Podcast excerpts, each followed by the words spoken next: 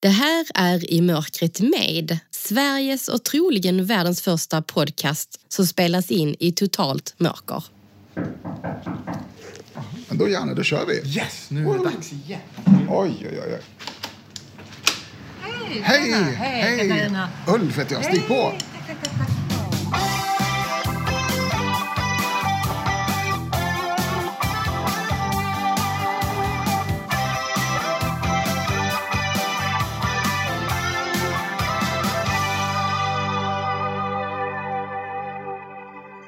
Hej kära lyssnare! Anna Bergholtz här och vi är åter tillbaks på den mörklagda restaurangen Svartklubben i Stockholm. Och i det här avsnittet gästas vi av en författare som just kommit ut med nya boken Djävulens advokat. I över 20 års tid har hon påverkat både samhällsdebatten och lagstiftningen i Sverige genom att ständigt lyfta frågor om sexuella rättigheter och våld mot kvinnor. Men varför gör hon det och hur kommer det sig att hon också gärna söker sig till just mörkret och känner sig som en vampyr ibland? I det här avsnittet möter du även Svartklubbens ägare Ulf Nordqvist som bjuder på livemusik. Det här är I mörkret med Katarina Wenstam. Och här börjar ju själva Mörkret. mörk, mörka avdelningen. Ja. Och det det är enklast om du hänger på mig på något sätt. Så, jag håller det dig där. blir jättebra. Så sitter Anna här inne vid ett bord. Och väntar på dig. Det är så spännande.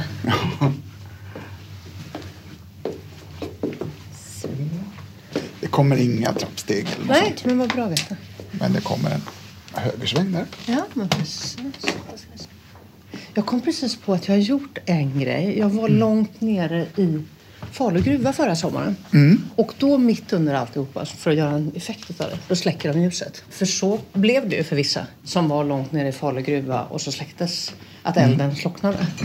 Eh, och det var ju en otroligt stark, väldigt obehaglig känsla eftersom man då också var väldigt långt ner under jorden. Ja, men jag har varit med om något liknande i, i, i Kiruna. Ja, i gruvan där. Gruvan där. Nu ska vi se. Ska vi se. Här har vi en stol ja, jag jag, krockat hör, med. jag hör stolen. Ja, där. Och vet, vet, du vad, vet du vad. Katarina?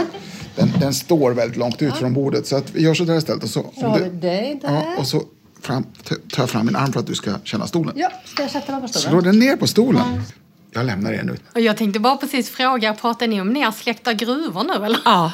ja, men för jag fick frågan om jag har upplevt det här mörkret förut. Ja. Och jag var i eh, Falu gruva förra året, förra Ja. sommaren. Och när vi var liksom allra, när vi hade kommit som djupast ner, det var ju liksom en, en guidad visning där nere, då släckte de ljuset helt och hållet. För att man skulle få en känsla utav hur det ju faktiskt var för de som jobbade i gruvan om, om liksom elden slocknade. Det finns ju sådana som inte hittade ut, som ju dog nere i gruvan. Och då var man ju dessutom otroligt långt ner under jorden. Det var ju ett par hundra meter. Eh, med massivt liksom, faluberg över sig. Och det var, det, var, det var obehagligare på ett annat sätt än vad det här är. Nu är vi ja, liksom det, mitt ja, på för Nu har söder. du typ fönstret bakom dig och jag tror till och med att du kan höra det är någon, har du? En fläkt va? Sopbil. Gör det det. Mm. Släckte dem utan att uh, säga till. Ja. De gjorde det ja. alltså? I Oj. fem sekunder. Oh, och hur, hur eh, lät folk, Ja, men folk- reagerade folk då? Ja, men jag kommer ihåg att man hörde ett litet kvidande ifrån någon i samlingen som var så här... Och sen tror jag att eftersom det var mitt under en guidad tur Ah. och liksom vi hade pratat ganska mycket om mörkret som var där nere så förstod man ju att det här var inte liksom by accident utan det var att hon bara tryckte på knappen och släckte. Eh, det är som att kroppen också reagerar väldigt instinktivt i någon slags panik under de där sekunderna, även om det är så här. För att man hinner ju tänka så här, ja men visst hon gör det med vilje, men tänk om vi skulle vara här nere och allting bara slocknar. Hur utelämnad är man då liksom? Ja, Men han, han du eh, få någon panikkänsla? Ehm, ja men kanske lite puls. Jag är um, fruktansvärt rädd för trånga utrymmen. Ehm, sådär. Då har jag ändå faktiskt konstigt nog Oj, Precis, du hade helt rätt. Du hörde sopbilen. Det Japp. gjorde, gjorde alla det kan ingen gå miste om. Nej, men jag har simmat i, i um, grottor i Mexiko, cenotes. Oj Eh, då. ja, Det, är ju lite konstigt med tanke på att jag är jätte, jätte, jätterädd Jag tänkte, för... var det, var du, blev du rädd efter det eller? Nej, utan det var, det var också jättehäftigt. Då hade vi ju också belysning med oss. Vi hade ficklamp, pannlampor som vi simmade med. Eh, men det var ju tillfällen, för vi simmade in och genom håligheter och det var stalaktiter i taket och så tittade man neråt och så var det bara, det bara liksom fortsatte i mörk, för de är ju vattenfyllda de här grottorna. Eh, men det var så vackert så att det nästan inte gick att liksom vara rädd. Men, men det är väl någonting det där också med att det finns någonting över en. Som liksom, att man är, man är djupt, djupt under jord. Jag var uppe i Abisko i somras och vandrade och vår eh, fjällguide är ju en sån här äventyrsmänniska och han skulle, han skulle iväg och krypa i grottor. Det var i och för sig inte simma men ändå.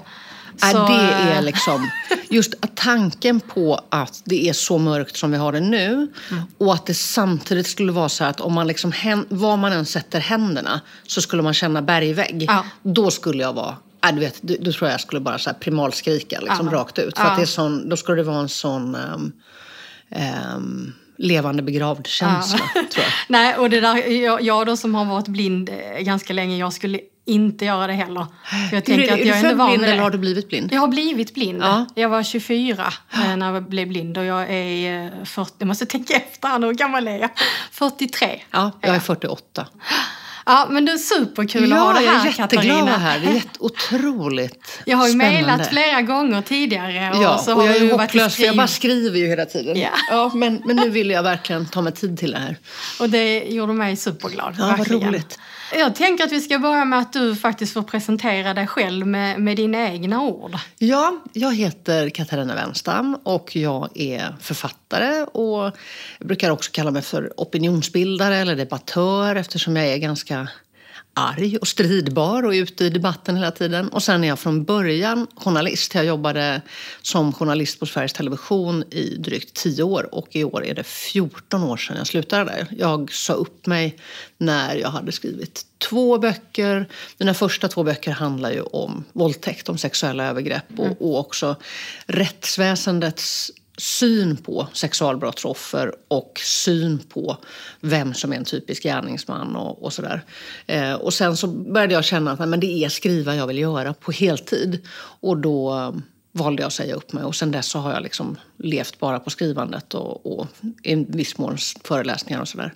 Så att jag eh, har sen dess skrivit ytterligare, jag tror att jag är uppe i 17-18 böcker, någonting sånt där. Eh, Jag håller på precis att bli klar med min elfte spänningsroman som kommer nu i höst som heter Djävulens advokat. Mm, I den här justitieserien. Ja, precis. Med, och för de som lyssnar då, då kan jag ju säga det är ju eh, kriminalkommissarie Charlotta Lugn och Shirin Nouri heter hon nu. Hon har bytt tillbaka namn va? precis. Hon Ja. bytte tillbaka till, till, hon är ju separerad sedan några böcker. Eh, och i den här boken så får vi också stifta mer bekantskap med en person som från början var i mina tidigare böcker en eh, ganska argsint reporter som heter Jane Wester som jobbar på SVT. Som jag brukar tänka som att hon skulle vara jag om jag hade varit kvar. Om jag hade blivit så bitter och sur och hade, hade fortsatt på SVT. och Ja, det så, ja. Ja. Eh, och tyckte att alla unga förmågor bara kan allt och all jävla teknik och ja, vet, sådär. Så att hon är ganska bitsk och ganska eh, och samtidigt jätte, hon är, hon är skarp liksom så. Men hon, hon är inte helt eh, lycklig och hon har en större roll i den här boken. För det blir ofta så med mina böcker, för jag har liksom ett, jag har ju skapat mig ett universum liksom kring den här Justitia-serien som består av framför allt skulle jag säga kvinnor som arbetar inom rättsväsendet som åklagare eller som poliser eller som kriminalreportrar eller som, som målsägande beträde som Shirin och, och sådär. Och så är det lite grann att beroende på boken så blir det nästan så att ja, men här passar det bättre att det är en journalist som är huvudrollen. Eller nej, här är det Shirin, målsägande beträdet som det ska vara i fokus och sådär. För Shirin var ju från början egentligen en, hon var en biroll. Hon dök upp i Alfahannen som försvarsadvokat åt en tjej som hade attackerat sin, sin eh, våldtäktsman i självförsvar. Eh, Och så blev jag jättekär i henne medan jag skrev och bara kände så här, nej men gud, henne kan jag ju inte bara släppa taget om. Varför blev du så kär i henne just då? Men hon är Shirin Nori, hon är döpt efter min dotter. Mina barn är halviranier och hon är heliranier men född i Sverige utav invandrade föräldrar. Och jag tror att det där är ju liksom någonting som jag har stött på mycket både privat och professionellt. Att det finns väldigt många kvinnor inom rättsväsendet som har rötter i andra kulturer. De är så otroligt framåt och liksom driftiga och pålästa. Och liksom, de är så, det är liksom nästa generations bara liksom queens på något ja, sätt. Sådär.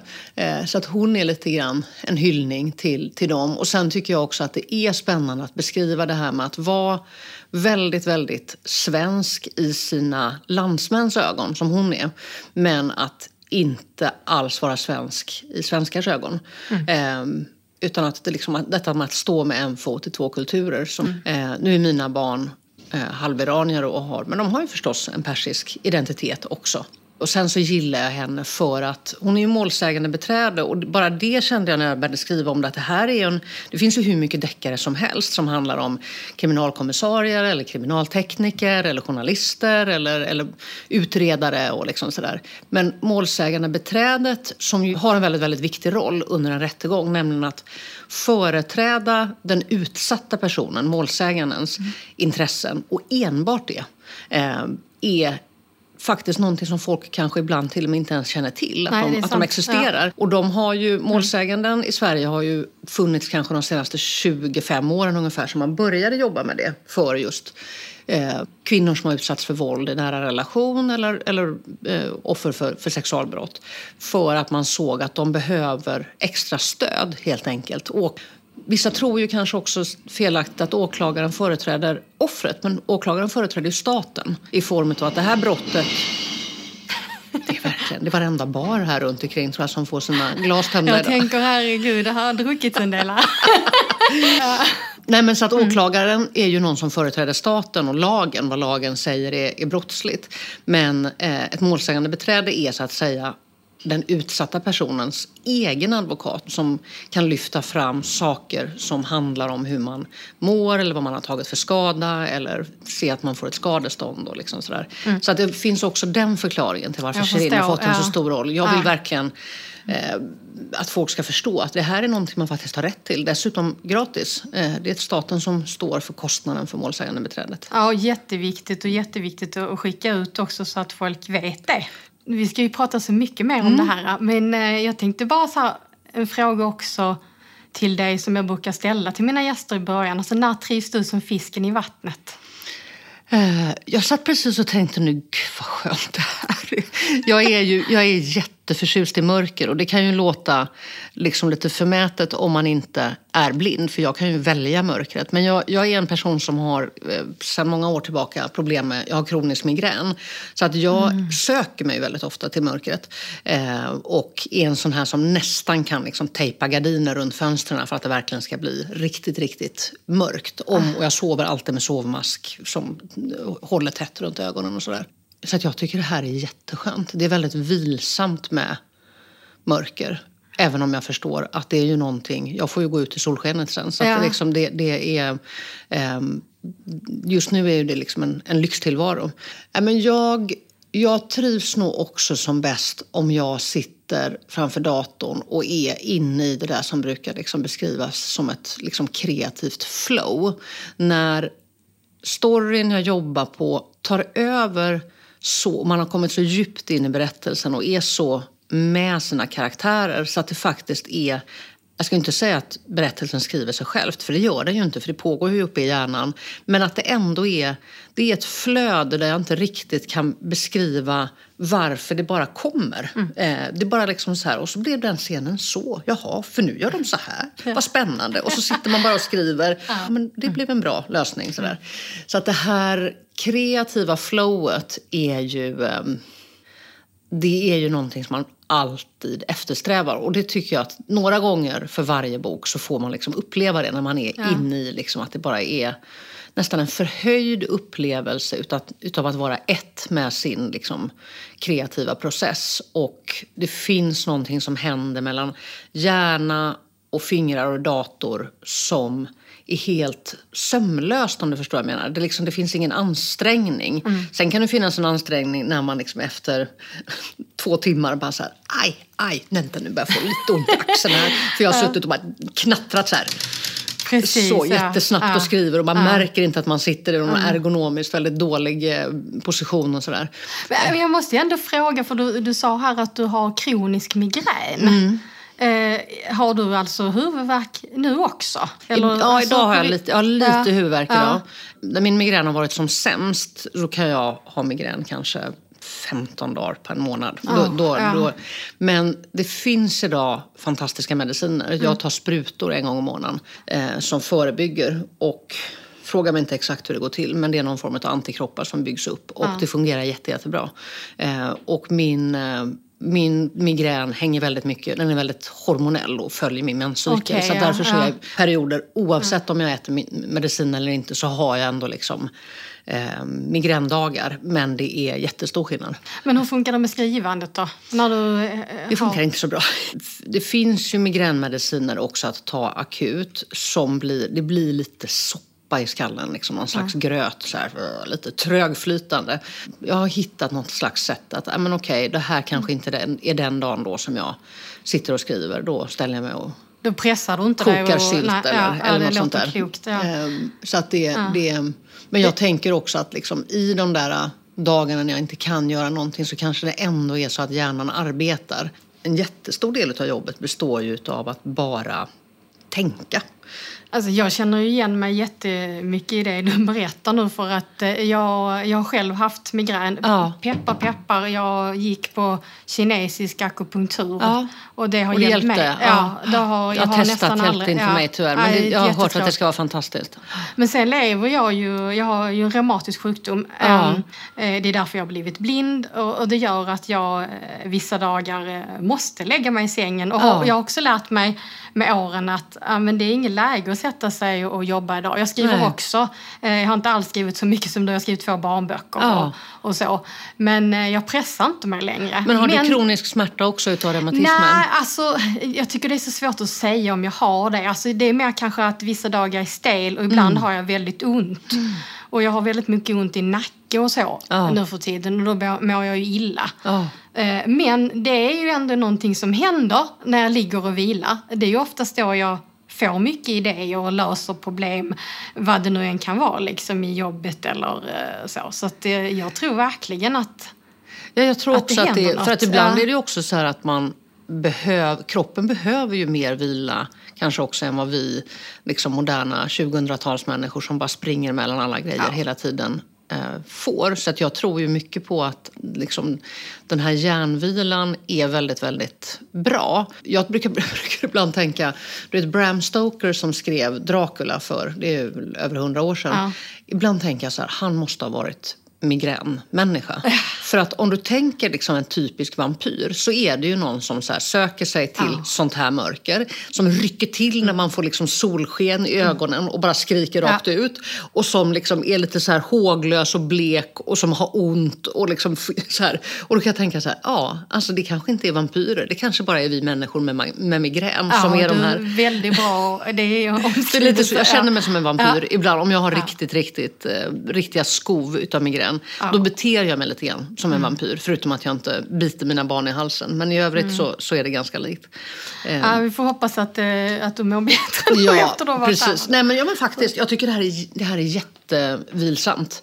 Liksom, jag har inrett min... För jag jobbar hemifrån. Folk söker ju så ofta till så här, åh det är så ljust i den här lägenheten, det är fantastiskt. Jag är ju, den här lägenheten som jag bor i var tydligen svår att sälja för att balkongen ligger med norrläge. Ja, just är det, typ ja. Man ska bästa, det bästa. Eh, dessutom när det också är, om sommaren är olidligt varm så kan ju jag faktiskt vara i min lägenhet. Mina grannar kan ju knappt vara i lägenheten om, om den ligger i söderläge för att det blir så varmt. Mm. Men sen har jag också ett, ett hörn i mitt rum som verkligen är sådär. Där kan inte några solstrålar och ljus komma åt. Det blir inte kompakt mörker, men just det där att det blir lite skumt. Eh, det blir väldigt lugnt för mitt huvud. Jag vet så som jag liksom känner mig till exempel just nu idag. Så kommer jag må som bäst sen ikväll när solen har gått ner. Då kommer allting, då lyfter det liksom lite grann. Då blir det lättare att Ja, andas. men det, det är viktigt att höra det perspektivet också. För det, jag tänker också att det, det är så mycket norm det där att man ska gilla ljuset. Man ska älska sommaren. Och jag har en mamma som eh, tycker det är jätteskönt nu när det börjar gå mot höst. Ja, för är hon mår likadan. inte... Nej, det är du är likadant ja. Ja. ja. Nej, men jag tänker att precis som du säger, det är ju en otroligt stark norm i samhället. Man säger så här, nu är det fint väder. Man bara, nej men jag kanske inte tycker att Nej. fint väder Eller är hur? att det gassar från en klarblå himmel där det inte finns någon skugga, ingenting. Utan det är ju som att vi har bestämt så här, nu är det vackert väder. Ja men jag tycker det är jättevackert när det är så här grådisigt eller liksom, det är inte självklart. Eller på vintern, du vet när liksom, om det ligger snö och det är så här gassande sol. Då tycker det, för mig är det plågsamt för att det, det reflekteras Ja, också mot snön. det blir väldigt ljust. Ja. Jag vet att när jag ibland har skrivit om det här på sociala medier, vilka reaktioner jag får. Det är Ja, ju det. så Ja. många som är så här, gud tack för att du säger det. Ja, jag tycker precis. inte om ljuset. Är, det, är det något fel på mig? Den här liksom, övningen som det här samtalet är, Mm. för mig är ju någonting som faktiskt kanske mer människor skulle söka sig till. Även om jag liksom vill understryka att jag förstår att det är en lyx att kunna Mm. välja mörkret. Men det finns ju någonting i det här som är, är så Mm. vilsamt. Ulf, det är ju därför du, du gör det här också. För att man ska få Ja. andra eh, perspektiv. Jo, nej, men det är, det är definitivt så att... Ja, du är kvar. Hej! Ja, ja, ja. Han Ja, precis. Jag svävar omkring här. Jo, nej, men, eh, ja, men jag propagerar också för mörker på mitt sätt. Då, då. Det finns rikedomar i, i, i blindheten. Liksom att, att, eh, för jag tror att i, i grunden, så här, när folk inte tänker efter så, så tänker de att blind, det är det värsta man kan råka ut för. Eh, eh, och- trodde vi också. Mm, ja, det trodde vi också. Ja. Jag försöker ju berätta en annan historia om mörkret. Att mörkret är faktiskt Vår vän. Som, ja, det finns bra grejer här inne. Nej, men jag tänker på det också eftersom jag själv då tillhör spänningslitteraturförfattarna. Att det är ju också så att man nästan kanske lite schablonmässigt använder sig väldigt mycket av mörker som en skräckupplevelse. Att liksom mörkret släcks. Men det mest klassiska är väl den här fruktansvärda slutscenen i När lammen tystnar. Om ni kommer ihåg när eh, Clarice Sterling heter hon, som spelas av Jodie Foster. Hon befinner sig inne i huset där seriemördaren är och det är helt kolsvart och han har på sig en lampa för mörkerseende. Eller såna glas, glasögon Ja, för mörker. Så ja. han ser henne. Hon är också filmad på ett sätt så att hon ser ju helt skräckslagen ut. Och det är väl självklart, skulle jag befinna mig nu i det här rummet och veta att det också är en man med en yxa här inne så skulle jag ju förstås vara ganska skräckslagen. Men att det också är eh, lite schablonartat att vi tänker så här, är det mörkt då är vi utsatta.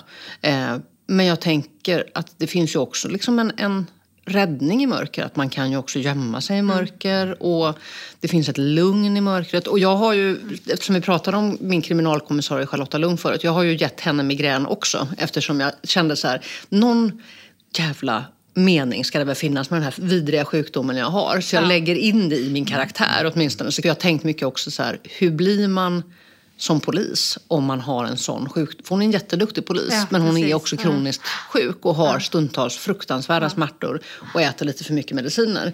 Nej, det är jättebra, tänker jag, att du lyfter in det där. Och det är ju, alltså, jag tänker det är så mycket föreställningar, alltså det är så mycket normer.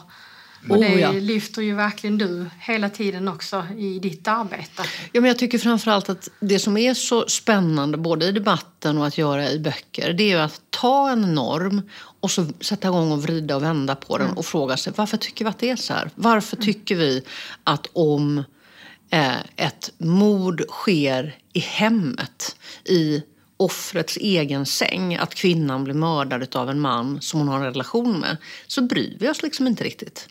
Det där är någon slags sanning. Att det blir en notis. Och medans är det ett överfall i en park och en kvinna som blir mördad av en man hon inte känner. Då blir det hur stort som helst. Och det är löpsedlar och det är skallgångskedjor och det är liksom allting. Och där kan jag verkligen känna så här, men vad är det som gör att vi... För det är inte som att liksom den kvinnan som blir mördad hemma lider mindre. Att det liksom, eller att de som finns, som lämnas efter de anhöriga, barn som kanske är närvarande eller som förlorar sin mamma, att det skulle vara liksom mindre Nej, nej. jobbigt för dem. Kanske till och med ännu värre eftersom det många gånger då kan vara pappan som är, som är förövaren. Mm, men varför tror du att det har blivit så då? Det är mer att det alltid har varit så. Vi har så mycket normer i vårt samhälle som bygger på någon slags så här, så har det alltid varit. Och då, om man ska förstå det så, så kan det vara ganska bra ibland att titta på gammal lagstiftning. Alltså hur har, det har ju, allt, det har ju sen, ända sedan liksom Magnus Ladulås dagar funnits kvinnofridslagar i Sverige. Men kvinnofridslagar har ju också varit väldigt, väldigt exkluderande. Det har ju varit vissa kvinnor som åtnjuter kvinnofrid.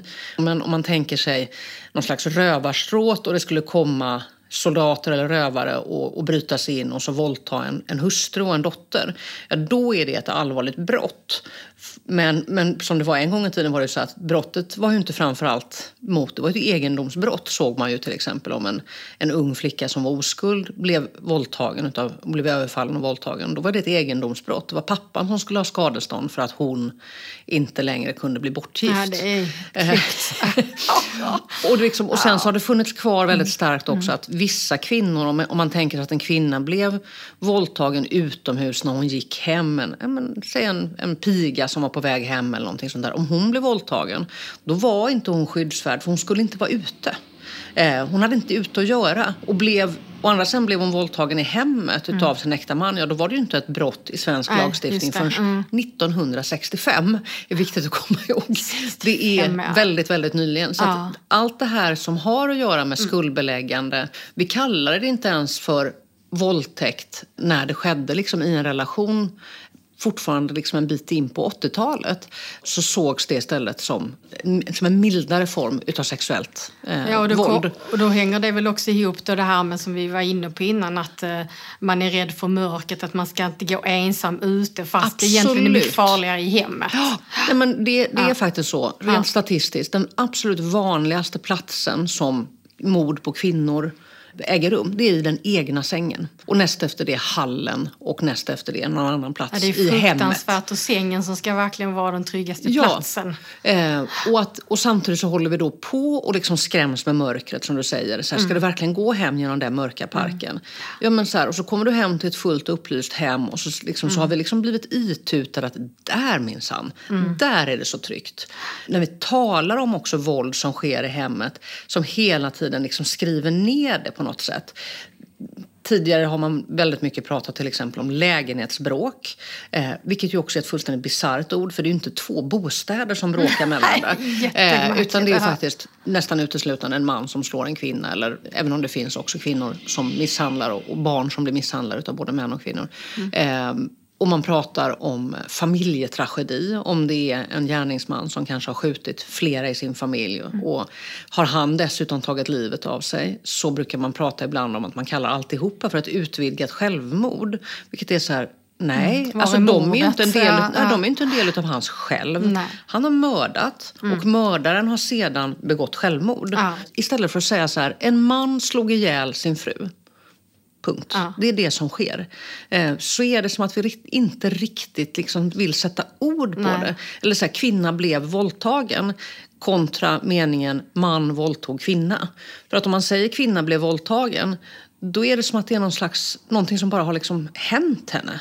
Man bara, men det finns ju en väldigt viktig, det finns ett subjekt här som vi glömmer Ja, bort. och det är otroligt viktigt det där med orden. Jag har tänkt, du, du brinner ju verkligen för det här med att orden spelar roll. Och jag jobbar ju själv väldigt mycket med rättighetsfrågor när det gäller då personer med funktionsnedsättning. Och tittar man på orden där, Ja. det är ju inte så länge sedan som man kallades för invalid i Sverige. Och det hör vi ju vad det ordet betydde. Ja, det är någonting som Ja. bygger på ordet invalid. Ja, invalid precis. Mm. Vilket också är så här, som många inte tänker, om man då slänger som ett ord som Ja. invalid. Eh, så är det så här, ja men var kommer det ifrån? Ja men det kommer ifrån invalid. Ja. Det är som så att någon tycker, ja men ska det vara ett problem att kalla någon som Mm. är, har både en, förälder som är svart och en som är vit för mulatt? Ja för att det ordet bygger på mula, mulåsna.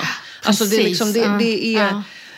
Det finns liksom ord som, som vi ibland bara måste bara stanna upp och tänka varför säger vi på det här?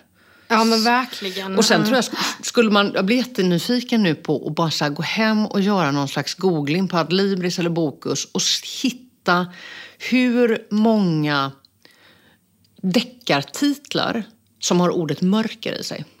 Ja, eller natt. Mörker eller natt. Ja, det är nog en hel För det är inte så här, mord, i solsken är inte en jättevanlig boktitel. Eh, innan jag blev blind, och Ulf, vi har ju pratat om det mycket eh, tidigare, så eh, jag mådde ju jättedåligt, alltså faktiskt innan det hände, när Ja. jag började förstå det. Och det har ju säkert också kopplat till det här mörkret, att inte ha kontroll, att inte eh, veta var man är någonstans. Och så, så är det ju inte idag. Alltså det har Men skulle inte du säga att det var värre för dig inför än när Ja. det väl...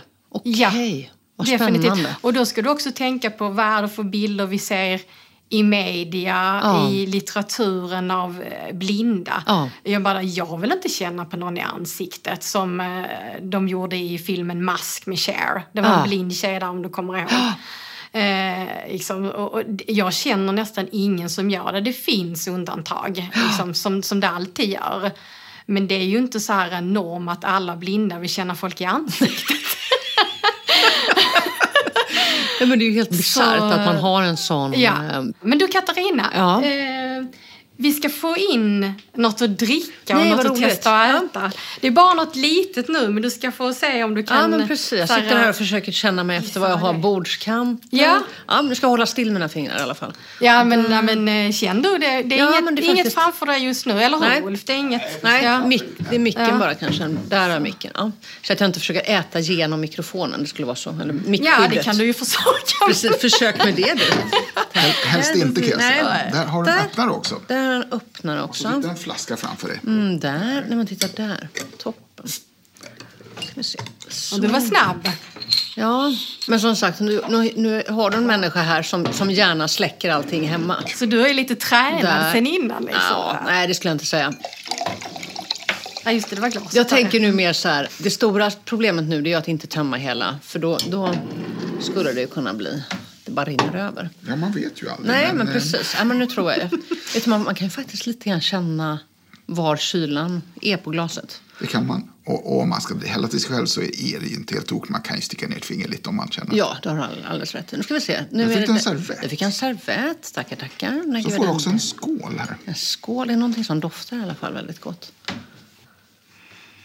Ja, det doftar choklad. Ja, bra testa. Ja, precis. Ja, jag börjar, ska, jag äta med, ska jag äta direkt med mun? Ska jag äta som en liten vovve? Ska jag äta med munnen? ja, why not? Med näsan kanske. Eh, Ja, men det doftar ja. väldigt mycket choklad. Ja, nej, men det, det där är din skål. Mm. Din egna skål. Så du kan ta där. Har du öppnat den där Katarina? Ja, ska vi se vad jag... Där hade jag den. Hittar, Hittar vi varandra? Jag vet inte hur långt bort vi sitter. Ja, du är där borta. Där, tack. där, tack. Toppen, Titta. ja. Bra, det här löste vi. Har din hörsel, tycker du, förstärkts? Absolut. Det var faktiskt spännande för jag har funderat så mycket på det.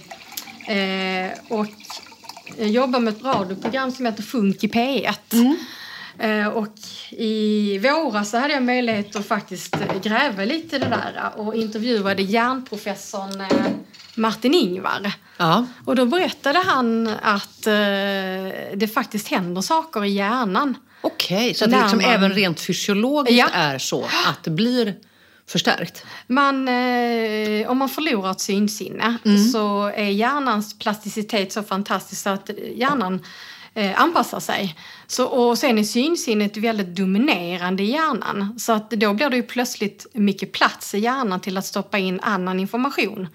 Hörselinformation och känselinformation och sådär. Så att, Och det finns mer plats liksom för Ja, intryck? ja. Så att då, och jag, det är väl inte det där att jag kanske hör bättre men jag har blivit bättre på att eh, tolka ljud och höra vad det är. Ja. Så, eller vad säger du Ulf? Vad, vad, hur upplever du att det är? Hörseln tar ju, den går ju in och, och fångar upp Ja. eh, i en massa luckor. Eh, det är verkligen så. Jag, jag vet inte var jag fått de här siffrorna ifrån men jag, men jag har hört att det kan vara så att synen upptar upp till 90 procent. Du, det var verkligen väldigt högt. Det var något sånt 80-90. Jag blir jätteförvånad. Och det Wow. gör att när, när, ja men som både i mitt och Annas fall, när, när vi tappar synen då har vi ju 90 procent till övers som, som på något sätt kan läggas över på någon annan Ja. och göra andra saker. Och, och den koncentrationen gör ju att, att de andra sinnena får ja, men de får mera, det, det, det kommer kunskap ur dem som Ja. vi plötsligt kan tolka. Som vi kanske alltid har kunnat tolka men inte bryr oss om eller inte märker. Men man har inte tränat upp det. Nej, det finns- förklarar det finns han där, det som. men Ja. det- Ja, för jag har ju den märkliga effekten att om jag får ett migränanfall som ju sätter sig väldigt mycket på att jag vill blunda, att jag får ont av ljus, jag blir väldigt ljuskänslig och vill bara liksom in i mörkret. Det är som att lukterna blir extremt förstärkta och inte behagliga. Eh, jag, kan, jag kan inte ha blommor överhuvudtaget i närheten och liksom sådär. Eh, tycker att mycket luktar äckligt. Liksom. Och sen så blir ljuden sådär liksom nästan lite skriande. En, buss bromsar in och man bara aj, aj, aj, aj, aj.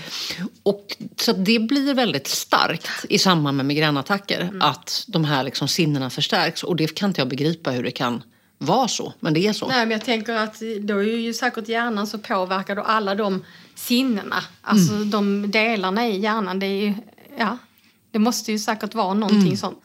Det, Vilken god choklad. får se om du kan gissa vad det är för någonting i. Fick inte jag, Ulf, och du?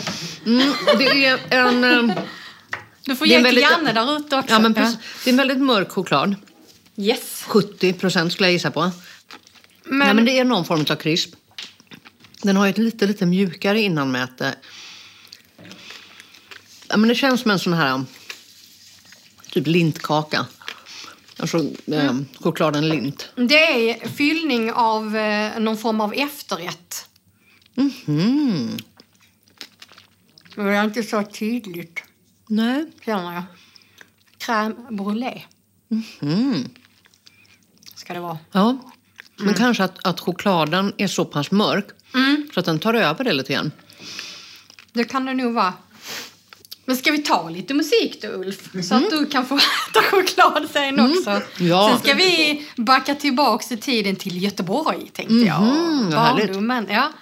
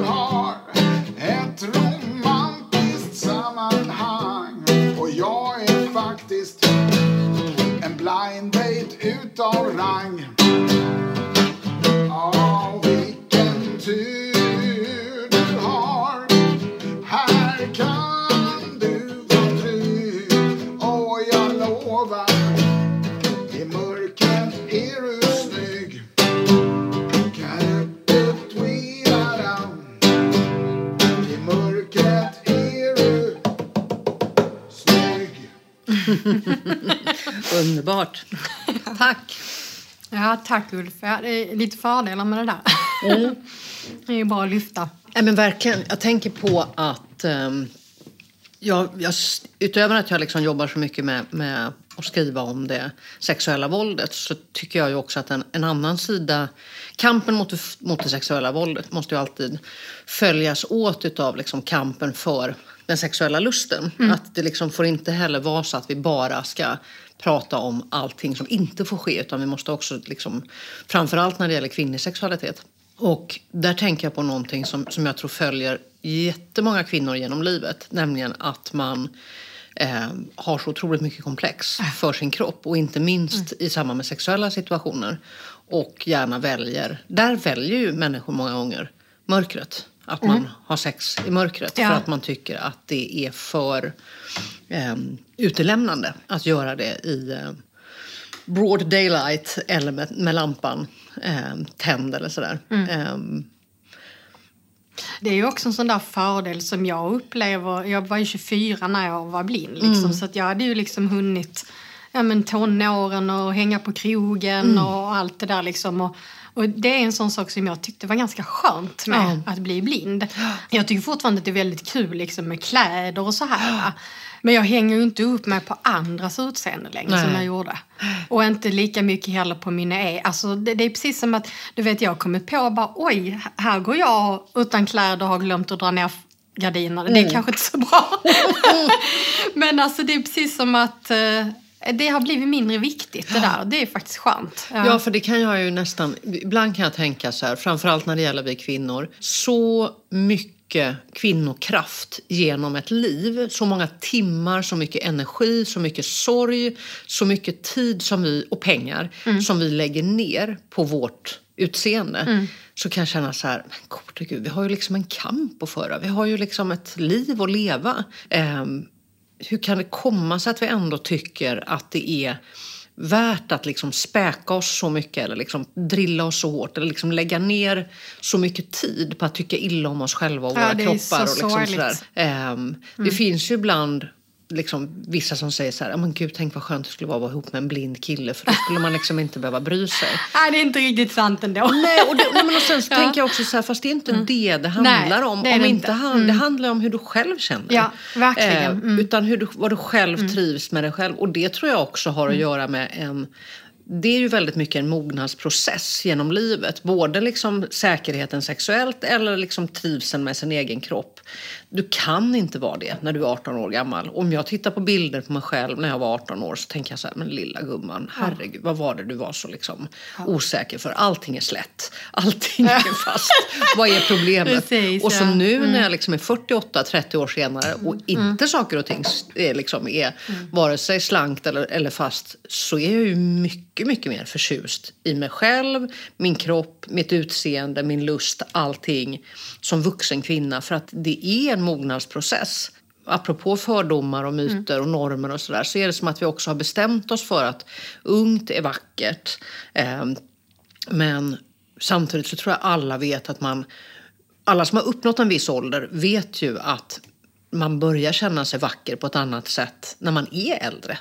Att det har ändå mognat fram någonting annat kring utseende. Och där jag tänker att om man då inte har blicken så skulle man kunna tänka så här, nej, men har man då ingen bild av utseende? Men det, det har man väl? Ja, nej men visst har man det och det är ju också en känsla. Jag menar, jag, jag träffade ju min eh, sambo som, eh, det var faktiskt i en hotellbar. Det absolut ytligaste stället på Kuba liksom. eh, och jag följer för hans röst till att börja med. Eh, Men jag menar, det är klart att jag så här, frågade mina kompisar sen liksom, hur ser han ut, klädstil och sådana saker. Men jag kan ändå säga att det, var inte lika viktigt längre. Eh, och så, och man känner ju liksom, när man börjar komma nära varandra eller om man bara kramar en kompis liksom, så får man ju ändå en, en kroppsuppfattning och sådär. Men det är ju kemin väldigt mycket och det, det är, blir ju mer framträdande kanske nu då liksom när man plockar bort det här visuella faktiskt. Att det, det är ändå personligheten som framträder mer på Ja, men och sen Ja. också visst kan man förälska sig i en röst. Det tror jag är ju Ja, liksom, verkligen. en Ja. röst är ju eh, eh, otroligt liksom, starkt. Det finns ju också det här, eftersom jag har, jag har en del vänner som jobbar på, på Sveriges Radio och sådär. Och där är det ju jätteofta så att man är så här, va? Ser den här Ja, personen ut så, så här? ju, ja.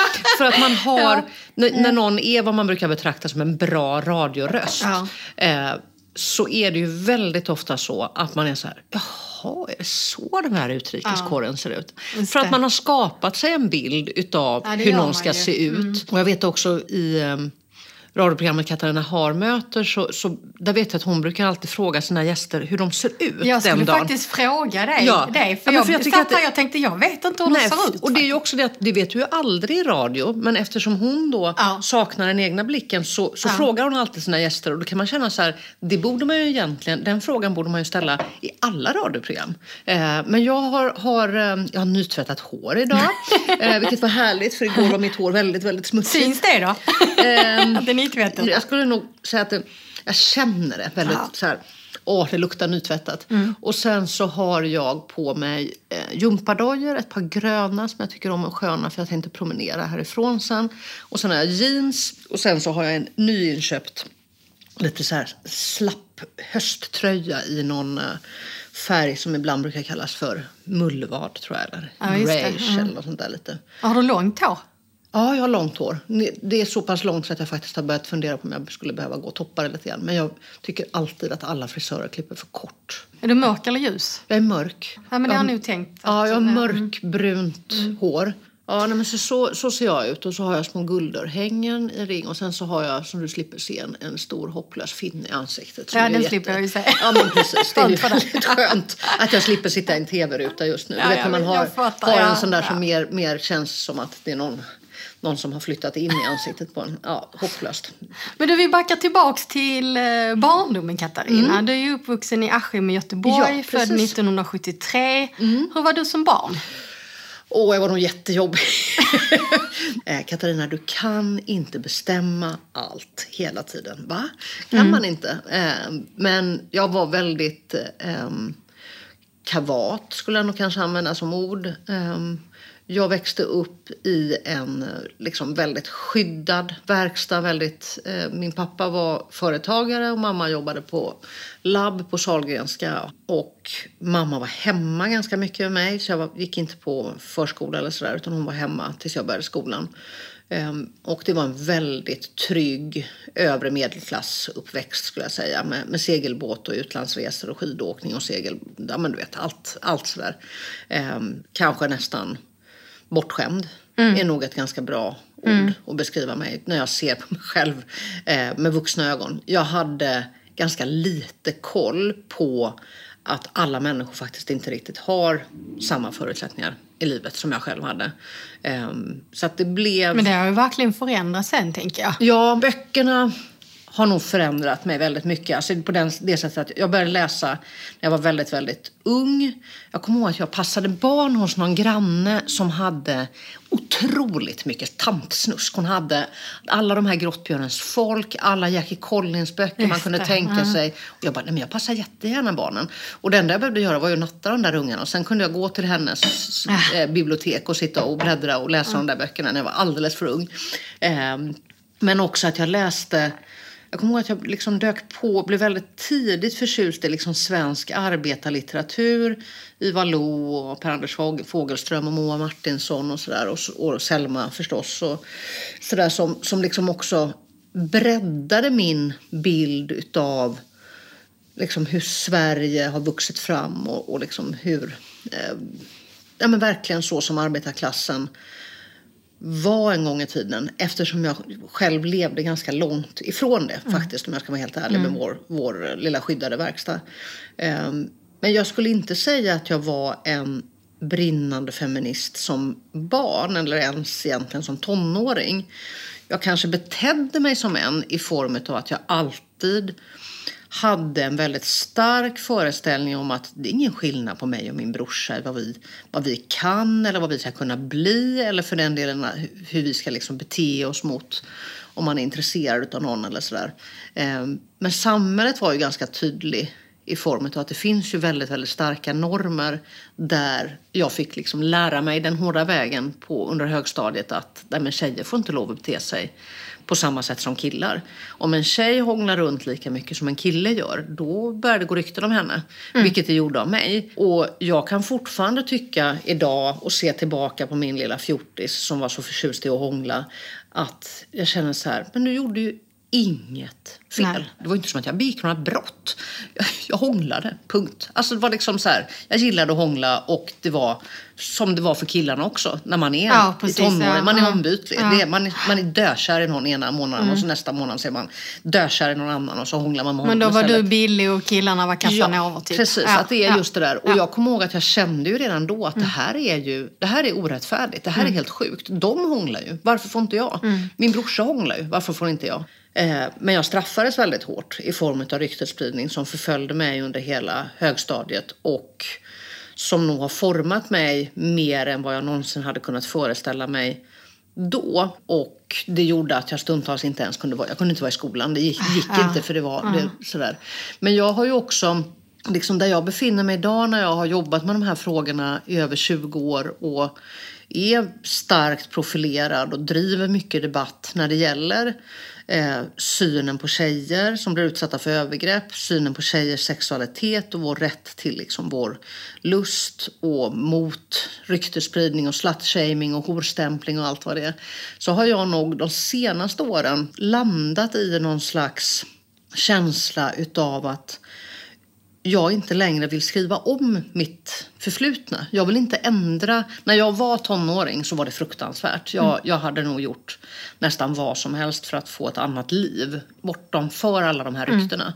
Eh, för att det var fruktansvärt. Jag skulle inte vilja mm, att någon behöver uppleva, jag vet ju att det är många som har, har samma upplevelser som jag. Men där jag befinner mig idag, där jag faktiskt märker många gånger att jag genom debatten och genom mitt skrivande har betytt mycket för andra tjejer Ja, i samma situation Ja, som, ja. som jag var i. Och där jag också kan känna att jag verkligen har varit med och också påverkat samhällsdebatten. Mm. Då kan jag känna så här att ja, men då, var det, då var det meningen. Om vi stannar till där ändå. Jag tänker för att när eh, du sen eh, alltså, började liksom bli, slå igenom som författare och, eh, då valde du ändå att inte berätta det här. Nej, inte till en början. Nej, utan det har du ju mer gjort på senare år. Hur kommer det sig att du valde att inte berätta om dina egna erfarenheter För, då? Mm. eh, men det finns två orsaker till det. Dels för att det gjorde för ont. Det var liksom lite för nära i närtid. Jag gjorde en gång, som jag känner som typ misstaget, att göra det i en Aftonbladet-intervju som blev där, där det slutade med en ganska slarvigt skriven artikel och en stor bild på mig där jag dessutom tvingades tillbaka till skolan jag gick i och skulle ta en Oh. jävla bild på, och så var det så här Och du Alltså, gjorde tänk- ändå det? Var Ja, med? och bilden var ovanför var det en rubrik där det stod hon kallades allemanshora. Och där jag kände så här, nej men det här klarar inte jag av. Det här, är, det här var det som folk kallade mig när jag gick i högstadiet. Nu är jag, när det här var, var jag kanske då 25-årsåldern eller något sånt där. Och det gjorde ju inte mindre ont att kallas för allemanshora i Aftonbladet kan jag säga. Nej, kanske till och med ännu verkligen mer. inte, ja. Så det gjorde nog att jag kände så här, nej jag är inte där. Men, du, men jag, jag tänker där, om vi backar tillbaks där till barndomen då, för då, då fick du liksom då, då handlar det egentligen mer om samhället runt omkring och inte din familj. För det var ju prat om att du skulle ta över pappas företag och sådär. Så att Ja. hemma var det ingen så direkt skillnad på er som barn? Absolut inte. Min pappa hade bara döttrar och sen så har jag en halvbror på mammas sida. Eh, nej, det fanns inte i min släkt överhuvudtaget att inte kvinnor kunde bli samma saker som män. Utan jag hade väldigt, väldigt högt ställda förväntningar på mig i form av att du kan bli vad som helst. Eh, å ena sidan så ville kanske min pappa att jag skulle ta över familjeföretaget. Vi importerade kakel. Eh, det företaget finns tyvärr inte kvar längre. Men jag har ju alltid velat skriva. Jag har alltid velat bli författare. Det hade varit en dröm. Och, Ja, verkligen. Och, eh, och började läsa och skriva tidigt. Och där fanns det också i min familj. Det hade, hur blir det nu? Det är min gammelfarfar. Han ville egentligen bli konstnär. Han var jätteduktig på att måla. Jag har en stor tavla hemma utav honom. Alltså verkligen riktigt duktig konstnär. Men hans familj på den tiden, det var så här, nej man skulle ha ett riktigt Ja, yrke. Så han blev typ postmästare, vilket ju måste ha varit fruktansvärt tråkigt. Och det har alltid funnits kvar i vår släkt. Att man ska inte förvägra människor som har en konstnärlig drift inom sig att för det går inte att släcka det där.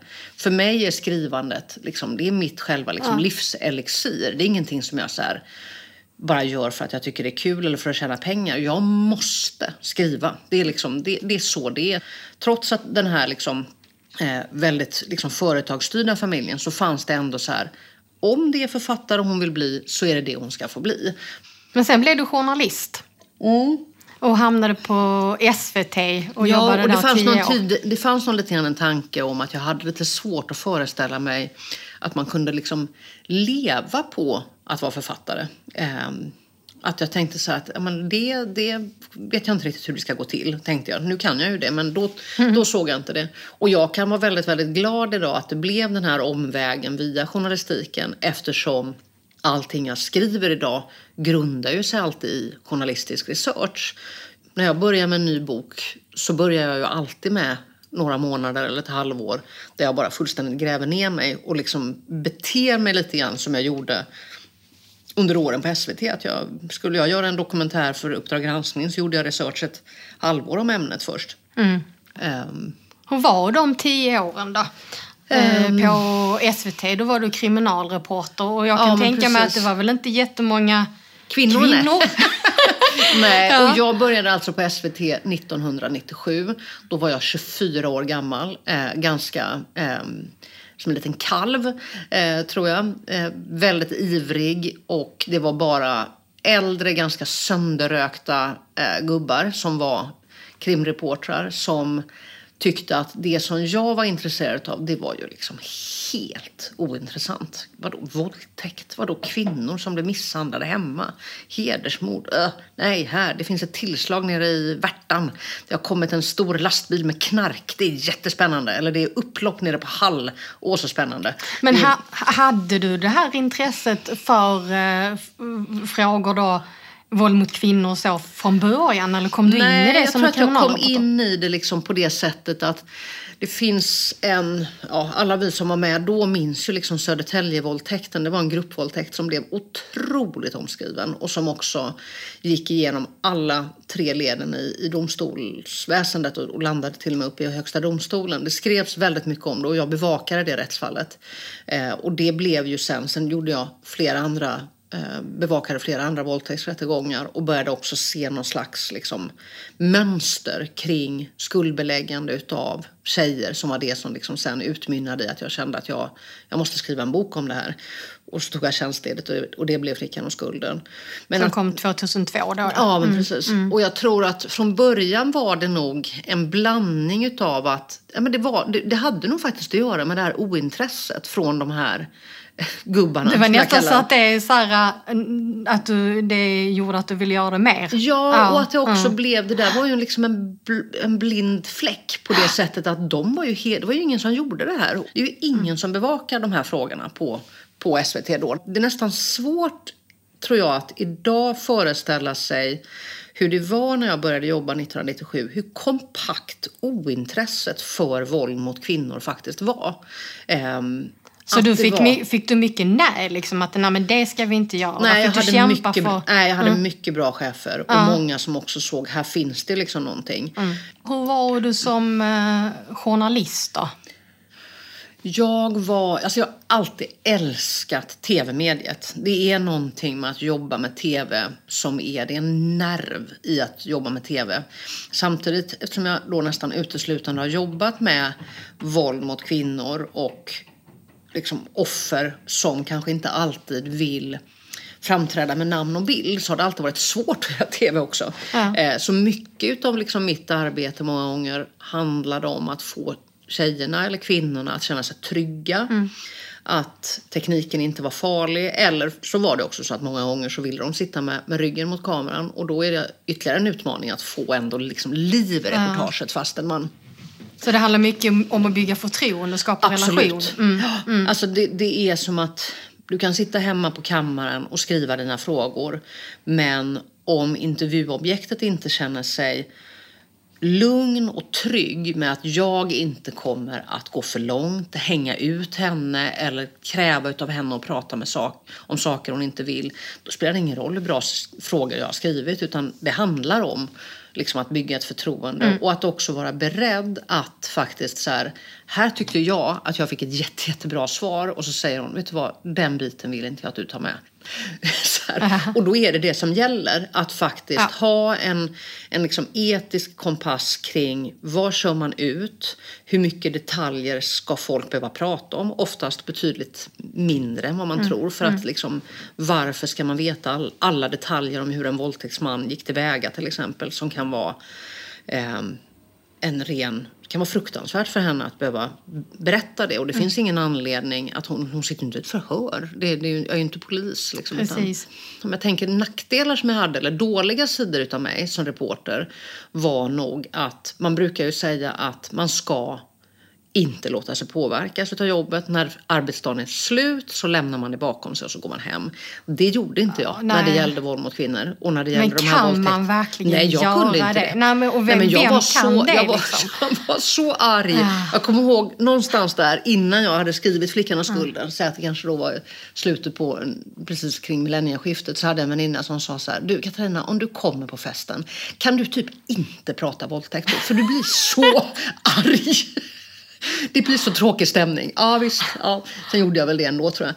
Men jag... För du måste ju ha haft någon strategi. Jag tänker för du jobbar ju fortfarande med frågorna och har gjort det jättemånga år. Alltså hur hanterar du all Allt den här skit jag eh, ser. skit, eh, frustration, ilska, allt det här. Hur har du hanterat det genom alla år då? Jag har nog kanske inte hanterat det tillräckligt bra skulle jag säga. Min viktigaste ventil genom åren har nog kanske varit andra journalister och vänner som är poliser som klarar av att höra det mesta. För att det som är liksom det svåra med journalistiken och även det som jag gör nu, i, eftersom jag gör journalistisk research till varje bok, det är ju att jag min uppgift är ju också att sålla. Men jag måste ju ta reda på Ja, allting. du Så måste jag, gå igenom allt ja, ändå. Så jag Ja, sitter ju ja. där med bilderna och obduktionsprotokollen eller granskar den grova våldsporren eller vad det nu än är. Jag skriver om i olika böcker och det, sen kommer det ut en slutprodukt men där kanske jag har sållat bort 90 procent utav det jag har sett och hört och läst. Sista åren så har jag nog kanske börjat förstå på ett mer medvetet plan att jag ehm, har tagit verkligen skada utav det. Eh, jag har Hur märks Ehm, det då? det märks på att jag har, väl, jag har väldigt, väldigt mycket eh, bilder på näthinnan som inte går att bli av med.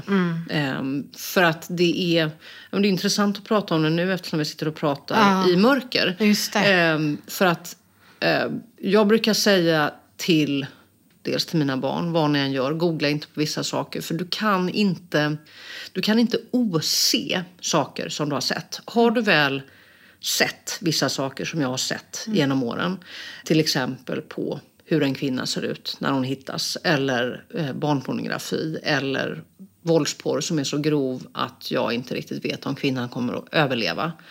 Näthinnan är ju och hjärnan är ju märklig på det sättet att du kan inte bli av med det. Ehm, så att jag är väldigt ehm, försiktig idag i form av att ehm, aktivt välja om jag ska. eller- Jag, liksom, jag håller inte på slentrian titta på bilder för det tycker jag dessutom är respektlöst. Men samtidigt så handlar det ju ibland om att också faktiskt förstå. Men, eh, men, och det här är ju någonting som inte bara... Det här, det här finns ju i många yrken som jobbar med Ja, så- oavsett om man är ja. rättsläkare eller polis eller någon, på något annat sätt första på plats eller liksom sådär. Men, men man ska vara, jag tänker mer så här, man ska vara medveten om att man tar skada.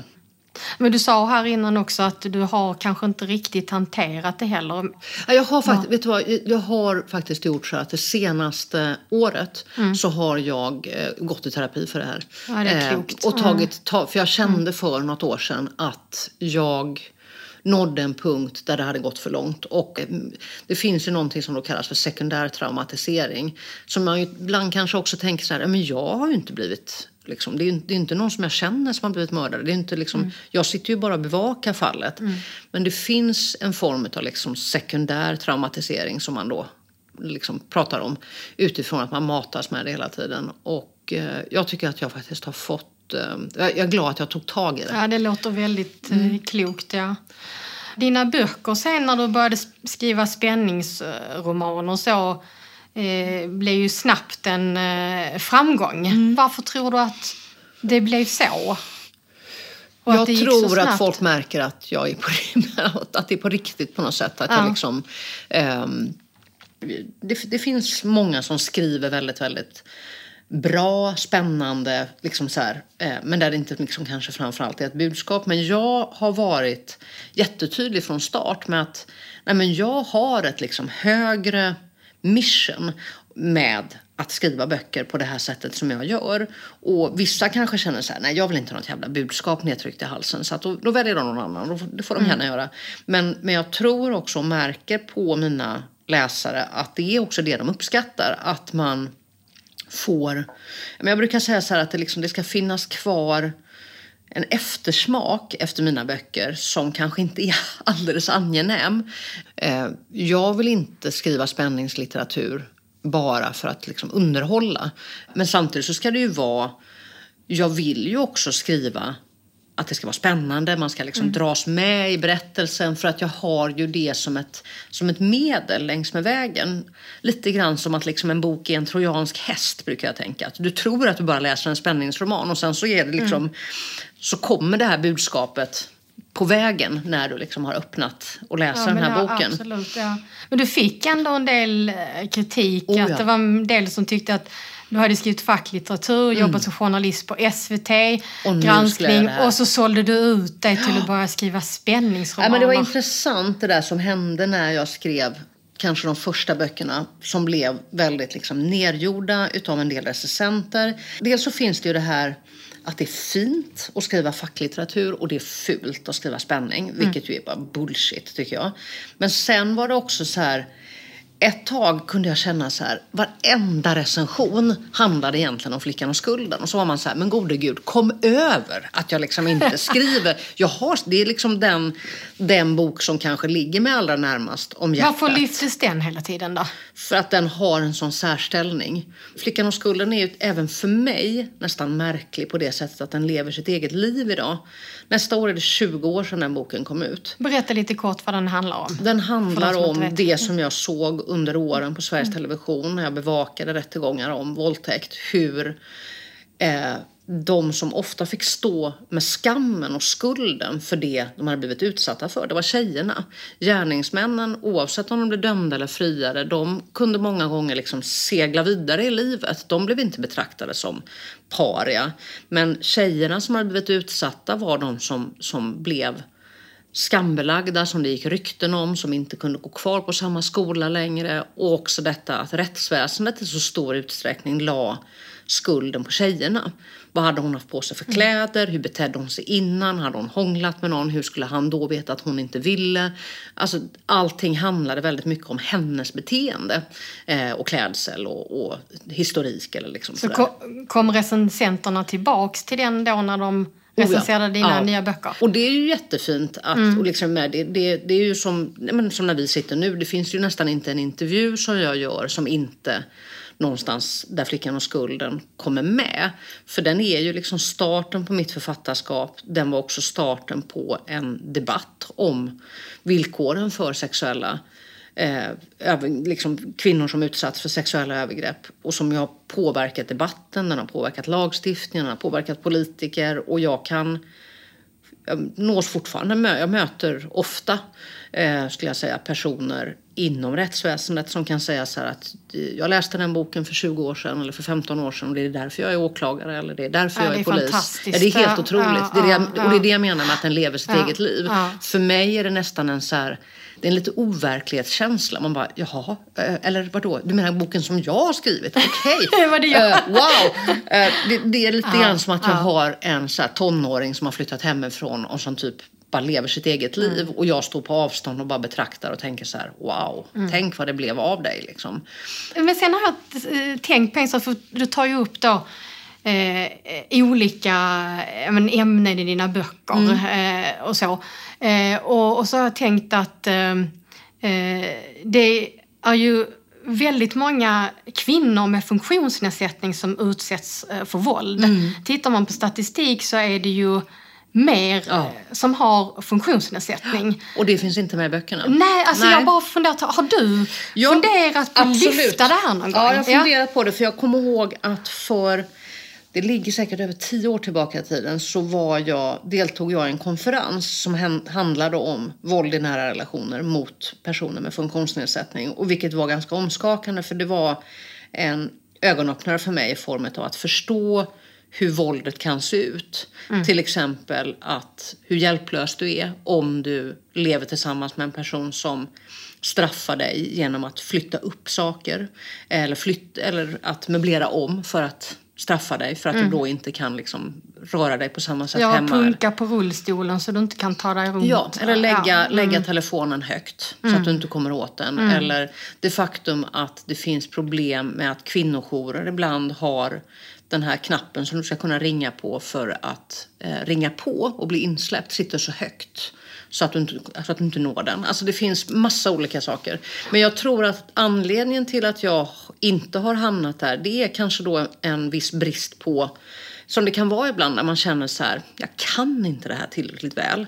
Eh, men det går ju att göra research. Så det, mm. det, är nog, eh, du har verkligen en poäng där i att det är någonting som vi talar alldeles för lite om. Och framförallt också den här eh, hur det kan se ut. Eh, att våldet tar sig andra former. Att det är en annan form av utsatthet just för att man är funktionshindrad.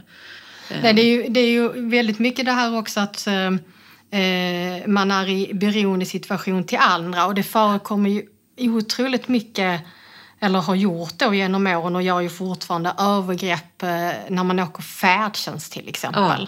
Alltså man tittar på kvinnor med intellektuell funktionsnedsättning. Det är ju väldigt hög statistik mm. att man har varit utsatt där. Och det, där också och det har jag gjort.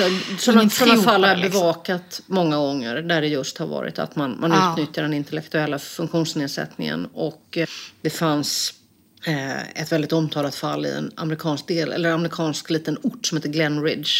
Eh, där det har skrivits mycket om, där det var liksom ett gäng fotbollsgrabbar, du vet, our boys, our golden boys, killar som hade en otroligt hög status i det här samhället och som förgrep sig på en eh, eh tjej som de hade känt hela sitt liv, många av dem, som, som eh, de utsatte för fruktansvärda övergrepp och där hon inte heller riktigt förstod till fullo hur, eh, att hon kanske hade haft en möjlighet att kunna ta sig därifrån eller så.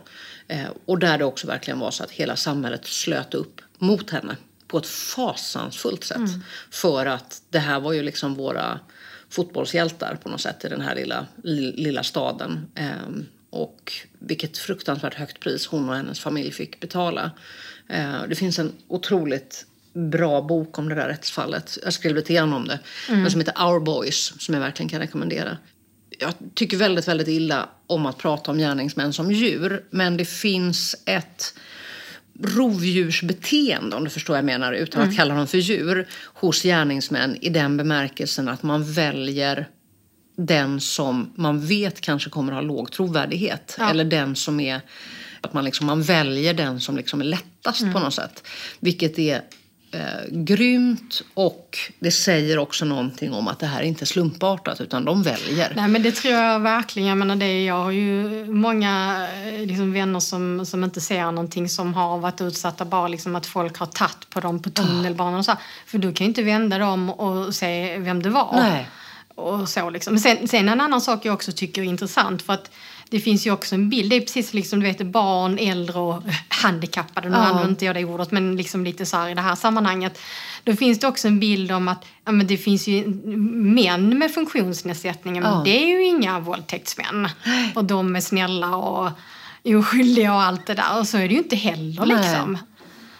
Ja, det, det, finns en del och jag tror att vem kan göra det där bättre och gräva i det och göra någonting av det än du. Men vilken bra, ja, bra, bra ja. idé. Eh, mm. Tack, den ska jag verkligen ta med mig.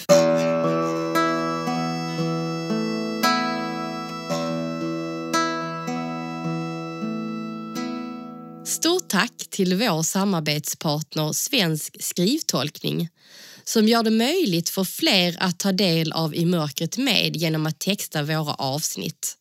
Textade avsnitt hittar du på vår hemsida i mokretmed.se.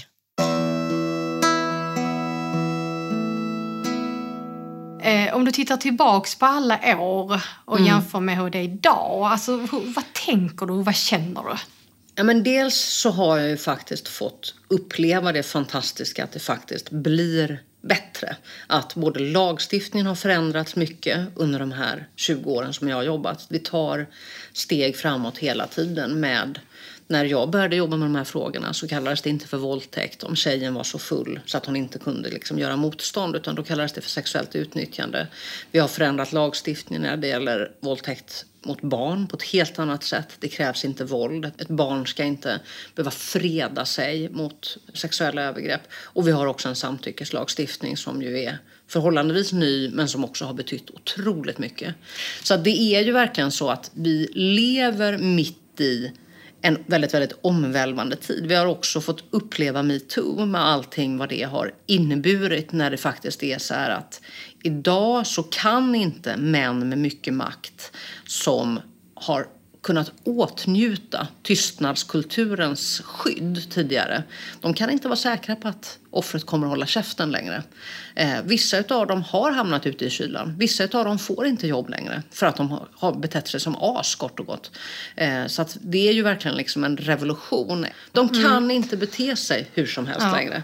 Och det är ju fantastiskt att vi faktiskt får uppleva det i vår livstid. Och sen har jag nog också lärt mig under de här åren att det är alltid, det är lite backlash här och där hela tiden. Och vi får inte låta det knäcka oss. Utan då får man tänka så här, idag var det ett steg fram och två tillbaka. Imorgon kan det mycket väl vara två steg fram och så kanske bara ett tillbaka. Det är lite hackigt i framåtrörelsen. Det är inte någon liksom autostrada mm. rakt fram.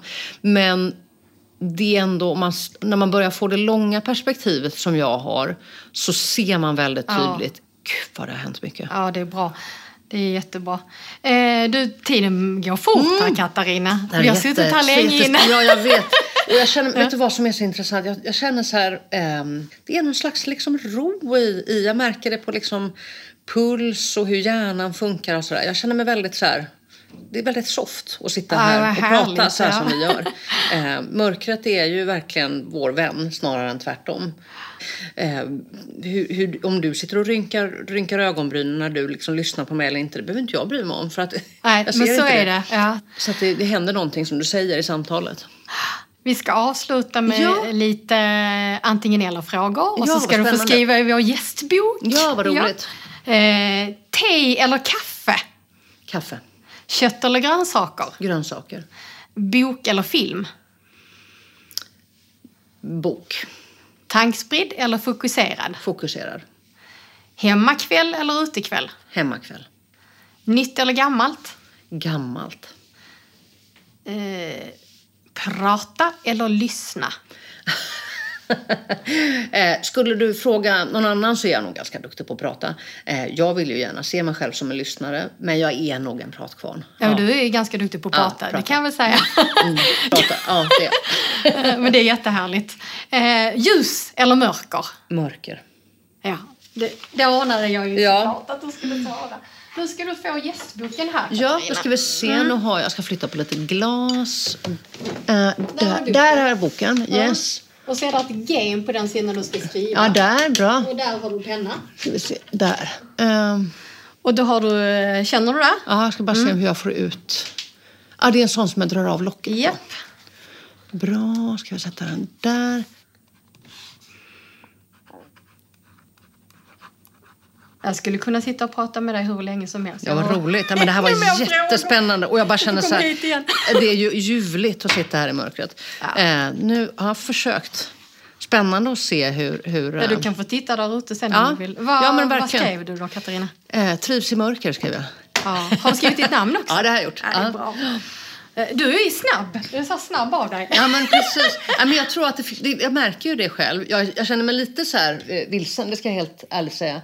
Men jag är ganska van vid att om jag är uppe och snurrar på nätterna till exempel, då tänder inte jag. Nej. För tänder jag då, då, jag tänker att det är bättre att slå i en tå någonstans då och då, än att tända och vakna. Ja. Ehm, så att jag, jag, tycker om att liksom känna mig fram lite så ja. Sista fråga Katarina. Ja. Eh, vad tar du främst med dig härifrån idag? Um, dels din tanke om att faktiskt belysa och sätta fokus på um, våld mot um, kvinnor som, som är funktionshindrade och i vilken mm. utsatthet, dubbel utsatthet det är. Eh, och sen också den här uh, otroligt sköna känslan av vad härligt det är att, liksom vara ja. i mörker. Men också med en, en vetskap om att det är ju ett val för mig. Eh, ja.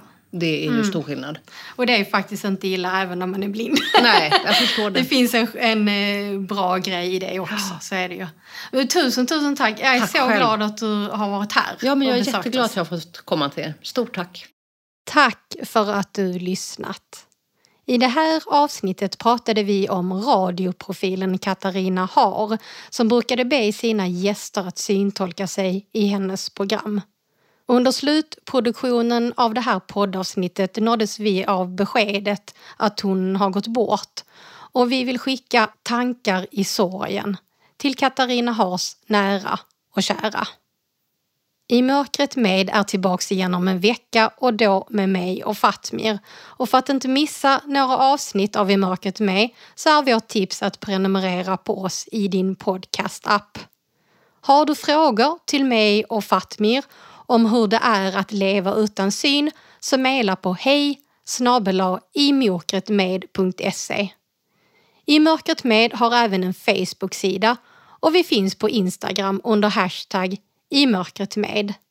Och ljudtekniker för det här avsnittet och som alltid för I mörkret med var Jan Dahlqvist.